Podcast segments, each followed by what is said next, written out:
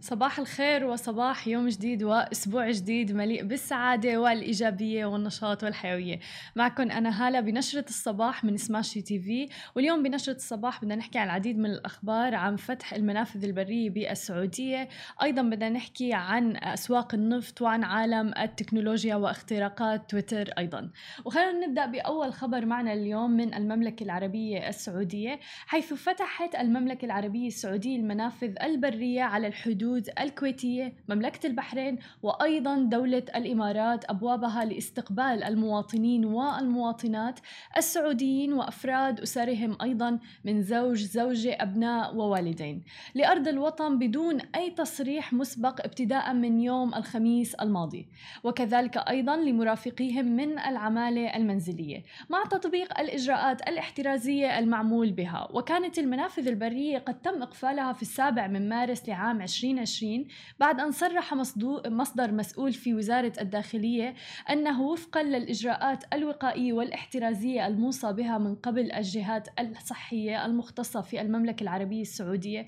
وأيضا كل هذا في إطار تطوير الجهود المستمرة لمنع انتقال عدوى فيروس كورونا وأيضا محاصرته والقضاء عليه وحرصا على حماية صحة المواطنين والمقيمين وضمان سلامتهم. فتقرر إيقاف المرور عبر المنافذ المنافذ البرية بين المملكة العربية السعودية وبين دول مثل الإمارات الكويت والبحرين. عدا طبعا بعض الحالات الإنسانية التي تم دخولها خلال فترة إيقاف العبور بحسب آه، المصادر التي وصلت لنا. ولكن الآن تم فتح المنافذ البرية في السعودية مع دولة الإمارات الكويت والبحرين وهذا القرار تم آه، تنفيذه من يوم الخميس الماضي. فلكل اللي حابين هلأ إنه يتنقلوا بين آه، السعودية والإمارات. الإمارات أو السعودية والكويت أو البحرين فيمكنهم ذلك آه، بكل حرية. وانتقالا إلى أسواق النفط حيث ارتفعت أسعار النفط يوم الجمعة تحديدا 24 يوليو في ظل ضعف الدولار الأمريكي على الرغم من أن المخاوف بشأن الطلب النابعة من ارتفاع حالات الإصابة بفيروس كورونا المستجد وأيضا تنامي التوتر بين الولايات المتحدة الأمريكية والصين كبحت أسعار النفط ونزل الدولار أيضا لأدنى مستوى في شهر مقابل سلة من العملات. وعادة ما يشجع ضعف الدولار على شراء السلع الأولية المسعرة بالعملة الأمريكية مثل النفط لأنها بتصير أرخص سعرا لحائزي العملات الأخرى. وفي المعاملات المبكرة ارتفع خام برنت 21 سنت أو ما يعادل 0.5% إلى 43.52 دولار للبرميل الواحد. وصعد خام غرب تكساس الوسيط الأمريكي 12 سنتا أو ما يعادل 0.3% إلى 41.19 دولار. وارتفع عدد الأمريكيين أيضا المتقدمين بطلبات للحصول على إعانة البطالة. ومثل ما بنعرف ازدادت أعداد البطالة في آه، الولايات المتحدة الأمريكية تحديدا بسبب فيروس كورونا بشكل كتير كبير. والآن على نحو مفاجئ وصلت إلى 1.416 مليون في الأسبوع الماضي فقط للمرة الأولى في نحو أربعة أشهر. مما بيشير طبعا إلى جمود تعافي الاقتصاد الأمريكي في ظل ارتفاع جديد في الإصابات كوفيد-19 وبينما يغذي ارتفاع عدد الإصابات المخاوف بشأن تجدد فرص إجراءات العزل العام الحكومية فإن المخاوف من تضرر الطلب على النفط تفاقمت بشكل كثير كبير. جراء توتر بين الولايات المتحدة الأمريكية والصين مثل ما بنعرف الحرب التجارية التي بينهم ما زالت قائمة.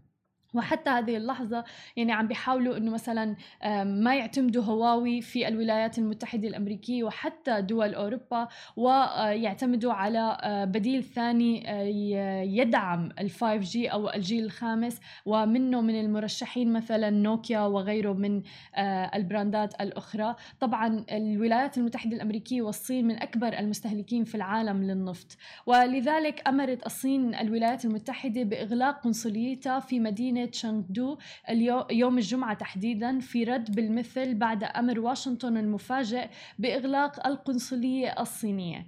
وأسعار النفط قد تشهد الآن تصحيحا في الأجل القريب إذ تباطأ التعافي في طلب الوقود أكثر وعلى الأخص تحديدا في الولايات المتحدة الأمريكية.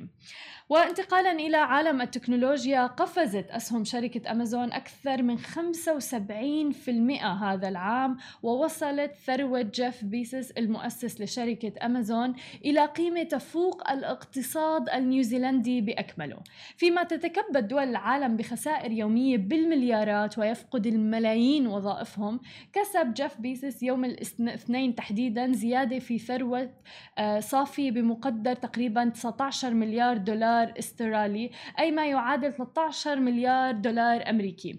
ومع ارتفاع أسهم التكنولوجيا هذا ما يجعله يقارب ما يحقق إنتاج الناتج المحلي الإجمالي النيوزيلندي من خلال عمل آه، سكان آه، البلاد البالغ عددهم تقريبا 4.8 مليون نسمة. مثل ما عم نشوف العديد من الشركات الأخرى عم تخسر العديد يعني أموال عديدة ولكن مثل ما عم نشوف الأمور الشركات المتعلقة بالتكنولوجيا جيف بيزوس أمازون وغيرها من الشركات الأخرى حتى الشركات الناشئة المتعلقة بال delivery وال online عم تكسب بشكل كتير كبير. وعم بيكون في عليها طلب جدا كبير في الآونة الأخيرة بسبب مواضيع الحجر المنزلي في زاد الطلب على آه، الطلبات أونلاين. حتى أمازون تحديدا نفسها قررت أنها توظف مئة ألف عامل آه، بفترة انتشار فيروس كورونا. بالمقابل في العديد من الشركات كانت عم بتسرح موظفيها بسبب هذه الجائحة.